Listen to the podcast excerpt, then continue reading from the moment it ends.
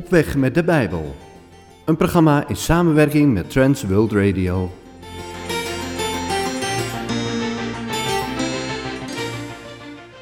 Welkom bij Op weg met de Bijbel. Ik ben Marije van den Berg en deze week neem ik je mee in de hand van verschillende vrouwen uit de Bijbel. Vandaag wil ik je meenemen in het leven van Tamar. Tamar, de dochter van David. Het verhaal wat over haar leven uh, geschreven staat is een heel indringend verhaal. Een enorm verdrietig verhaal. Een verhaal wat wellicht jouw leven raakt of iemand om jou heen. Een verhaal wat wellicht jou raakt in, in het zijn in de wetenschap dat niemand anders dat wellicht van jou weet.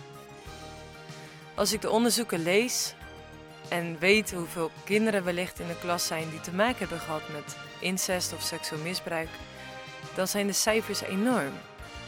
Terwijl als ik ja, kijk naar hoeveel verhalen dat ik daarvan van mensen ken, is dat niet zoveel.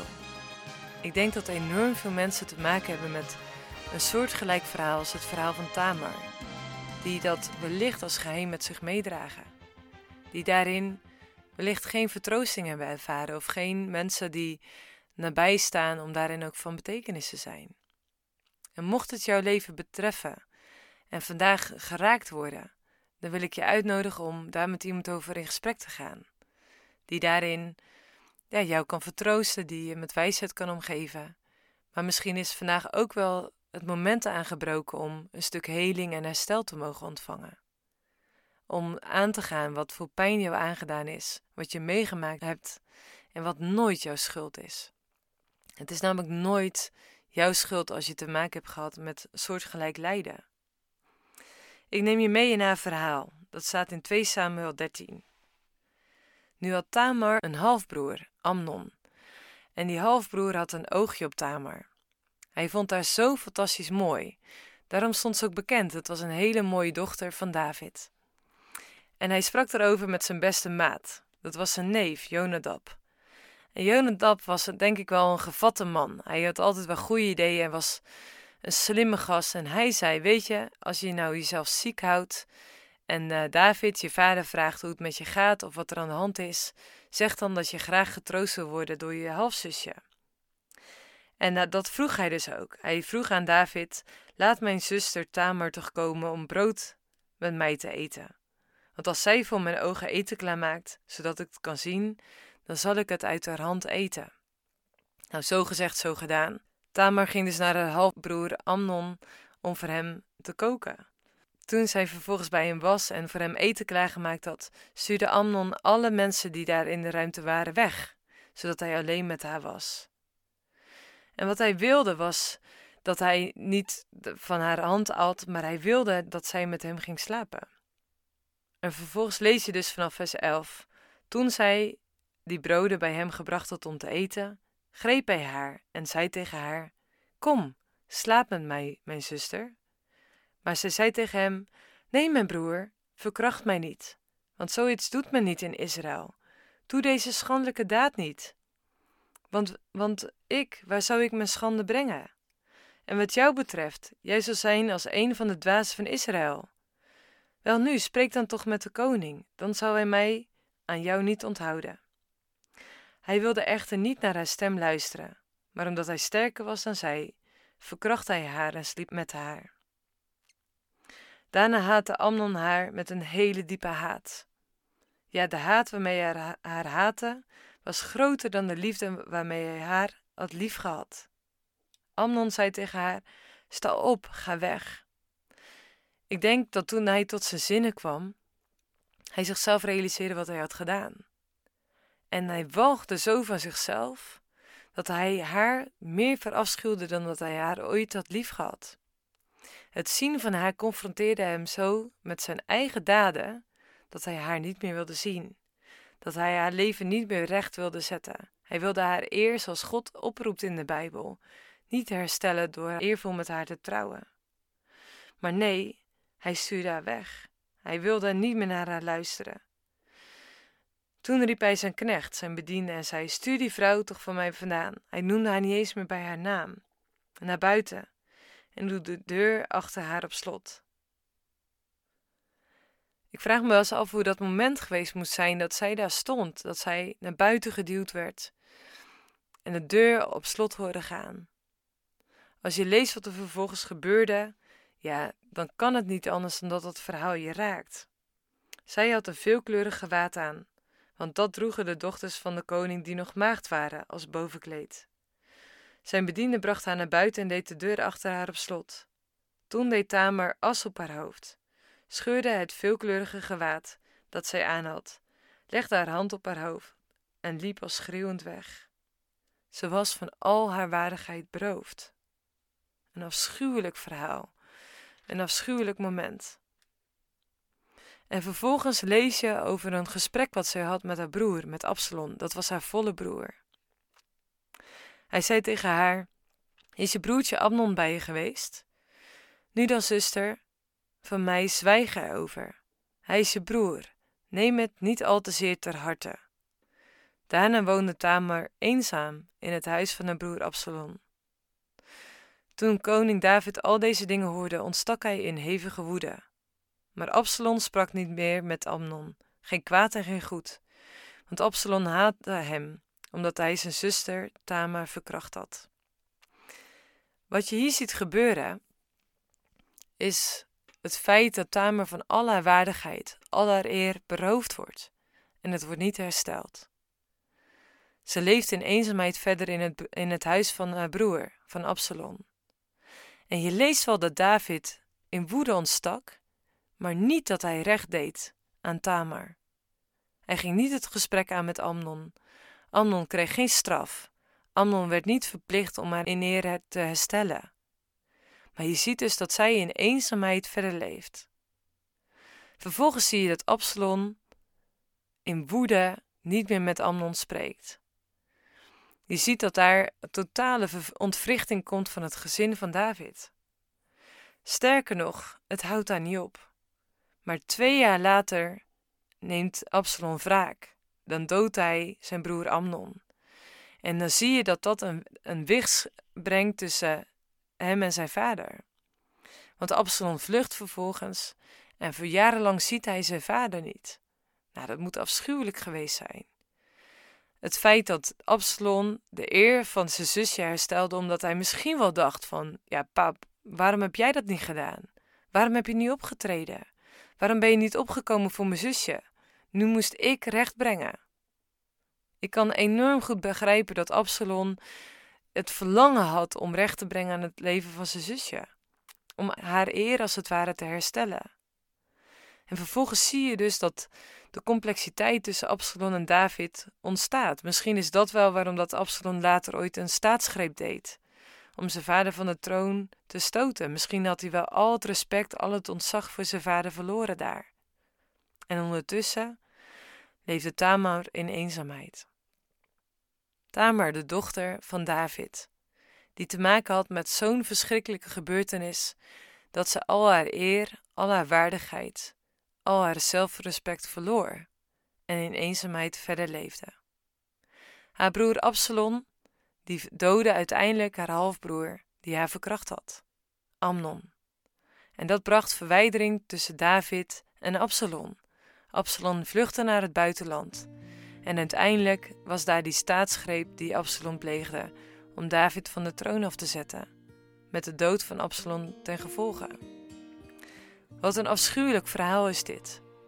Ik vraag me wel eens af dat als David later oud geworden terugkijkt op zijn leven, hoe hij terugkijkt op deze situatie. Waarin hij boos was op Amnon, maar nergens in de Bijbel staat opgetekend dat hij die zoon tot de orde riep om, ja, om het feit dat hij zijn zusje van haar eer beroofde door haar te verkrachten. Je leest daar niks over. Maar het is wel echt, denk ik, een uh, zwarte bladzijde in het leven van David. Als je kijkt naar Tamar, het moment dat zij dus daar buiten de deur gezet wordt van het huis van Amnon, haar kleren scheurt, haar hoofd met as bedekt en schreeuwend naar huis gaat. Hoe graag wil ik wel niet op dat moment Tamar troosten, haar vertroosten, van betekenis zijn voor haar. Haar laten zien dat ze niet de enige is of dat ze het waard is, ook al is ze van haar eer beroofd. dat ze geliefd is en dat ze ja, van betekenis is. Dat is zo de boodschap die ik zo graag tegen haar zou willen zeggen. Maar ook tegen al die andere mannen en vrouwen die te maken hebben gehad met seksueel misbruik of incest. Dat dat wat gebeurd is nooit oké is geweest. Dat ook al, reageerde je lijf, het niet oké is dat iemand anders zich aan jou vergreep. Dat het niet oké is als iemand een grens overgaat die gewoon logisch is dat die er is. Niemand heeft recht om iets te pakken van jou wat niet van die ander is. Want het is van jou. Jouw waardigheid is van jou. Jouw seksualiteit is van jou. En dat mag je delen in de intimiteit van een huwelijk met iemand waarvan je zegt van ik wil mijn leven voor jou geven en jij geeft je leven voor mij.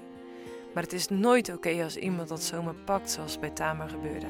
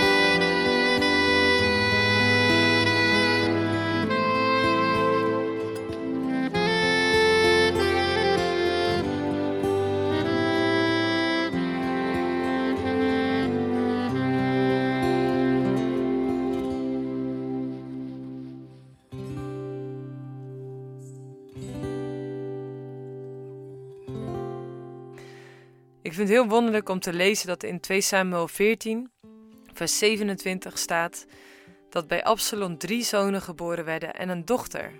En die dochter gaf hij de naam Tamar. Zij was een vrouw die knap was om te zien. Ik vind het zo mooi dat je daarin de liefde van Absalom ook voor zijn zusje ziet. Dat hij haar ook vernoemt, dat hij haar naam ook voort doet brengen.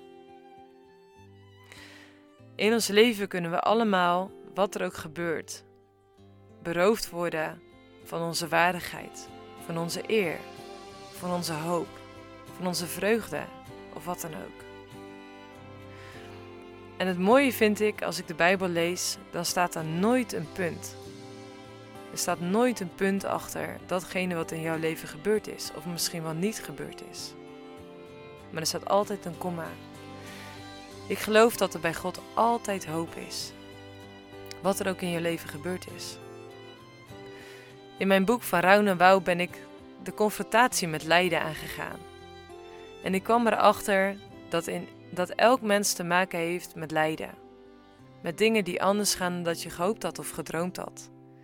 Dat dingen anders gaan dan dat je ja, zelf ook bedacht had of, of daar waar je zelf invloed op hebt. We hebben allemaal te maken met lijden in ons leven. Dat we soms wellicht ja, het licht uit onze ogen dooft. Of dat we even niet meer weten hoe dat we verder moeten. Of dat we wanhopig zijn of gewoon intens verdrietig. En als ik kijk naar Jesaja 61, dan zie je daar ook dat Jezus dat ook citeert in Lucas 4. En dat is zo'n hoopvol Bijbelgedeelte, wat juist ook gaat over wat als er dus dingen in je leven gebeurd zijn die moeilijk zijn. Jezus citeert het dus in Lucas 4. De geest van de Heere Heer is op mij, omdat de Heere mij gezalfd heeft, om een blijde boodschap te brengen aan de zachtmoedigen. Hij heeft mij gezonden om te verbinden de gebrokenen van hart. Zoals jouw hart gebroken is, dan zegt Jezus: Ik ben juist naar de aarde gekomen om jouw hart te verbinden. Als jouw hart gebroken is, dan is dat een, een stukje hart wat voor mij enorm kostbaar is. Jij bent me dierbaar. Ik wil van betekenis zijn voor jou. Hij stelt verder om voor de gevangenen vrijlating uit te roepen en voor wie gebonden zaten opening van de gevangenis. En die gevangenis kan van alles zijn. Het kan verslaving zijn, dat kunnen innerlijke overtuigingen zijn die zo sterk kunnen zijn. Dat kan een gevangenis zijn van pijn en rouw, van geheimen, van dingen die je wellicht nooit verteld hebt. Maar God die kent het allemaal. Die weet van verre wat er in jouw hart leeft. En die zegt: Hé, hey, ik wil je uit die gevangenis halen. Ik wil je uitnodigen om er uit te breken, om eruit te komen. Om te ontdekken hoeveel liefde en hoeveel herstel ik kan geven, ondanks datgene wat er in je leven gebeurd is. In vers 2 staat om uit te roepen het jaar van het welbehagen van de Heer en de dag van de wraak van onze God, om alle treurenden te troosten, om aangaande de treurende van Sion te beschikken dat hun gegeven zal worden een sieraad of een kroon in plaats van as, vreugdeolie in plaats van rouw, een lofgewaad in plaats van een benauwde geest, opdat zij genoemd worden eiken terebinten van de gerechtigheid, en die zijn niet zomaar om te blazen. Een planting door de Heere om hem te verheerlijken. Zij zullen de woeste plaatsen van weleer herbouwen, de woeste plaatsen van vroeger weer oprichten, de verwoeste steden vernieuwen die verwoest lagen van generatie op generatie. En het mooie is dus, al heb je het over van generatie op generatie, dat God in jouw leven iets recht kan zetten.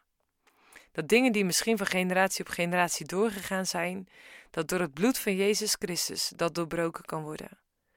Dat God in Zijn liefde en Zijn genade en Zijn trouw ons gebroken hart kan herstellen. En dat Hij ons dus van die intense rouw, waar we bij Tamar over lazen, en ze scheurde haar kleren, ze bracht die as aan op haar hoofd, ze schreeuwde het uit. Dat is hetgene wat je hier ook ziet in Jesaja 61.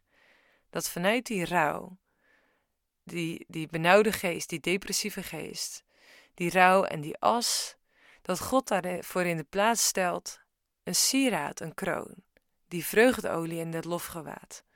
Daarin zie je dus dat in plaats van dat hoopje rouw, dat ellendige hoopje mens, hij iemand opricht die vier vol waardigheid gekleed door het leven laat gaan, omdat hij die waardigheid geeft, omdat hij dat herstel geeft, omdat hij ons opricht, wat er ook gebeurt in ons leven. En dan gaat het nog verder. Hij richt ons niet alleen maar op, maar hij stelt ons aan om de, al die gebrokenheid in het levens van de mensen om ons heen, om daarin van betekenis te zijn. Dus daar waar er dus ellende is, staat er nooit een punt, maar een komma. Maar sterker nog, dat verhaal gaat verder, dat wij juist na het doorleven van onze pijn, onze moeite, na het oprichten van God, waarin we vol herstel, in waardigheid door het leven mogen gaan, daarin mogen wij een getuige zijn voor de mensen om ons heen en van betekenis zijn. Zijn als die eik, als die terebint, geplant tot verheerlijking van God. Als laatste wil ik je meenemen in de betekenis van de naam van Tamar.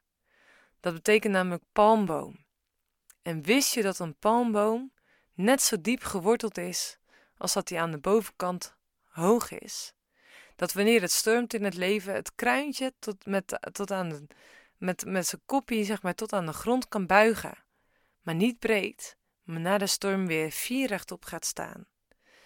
En ik geloof echt dat dat het allerbelangrijkste is in ons leven, wat we ook meemaken. Dat we ons diep mogen wortelen, tot aan de bron die God is, zodat Hij degene is die onze waardigheid bepaalt. Hij degene is die ons hart voedt met alles wat we nodig hebben. Wetende dat die bron van, van rijkdom, van genade, van trouw, van liefde, van goedheid, van mildheid nooit op zal drogen, maar tot alle tijden daar is, zodat wij vier door het leven mogen gaan, tot de eer en verheerlijking van God. U spreekt tot uw kerk, houd moed, houd moed. Geef niet op, wees sterk, houd moed, houd moed. Want ik heb de wereld overwonnen.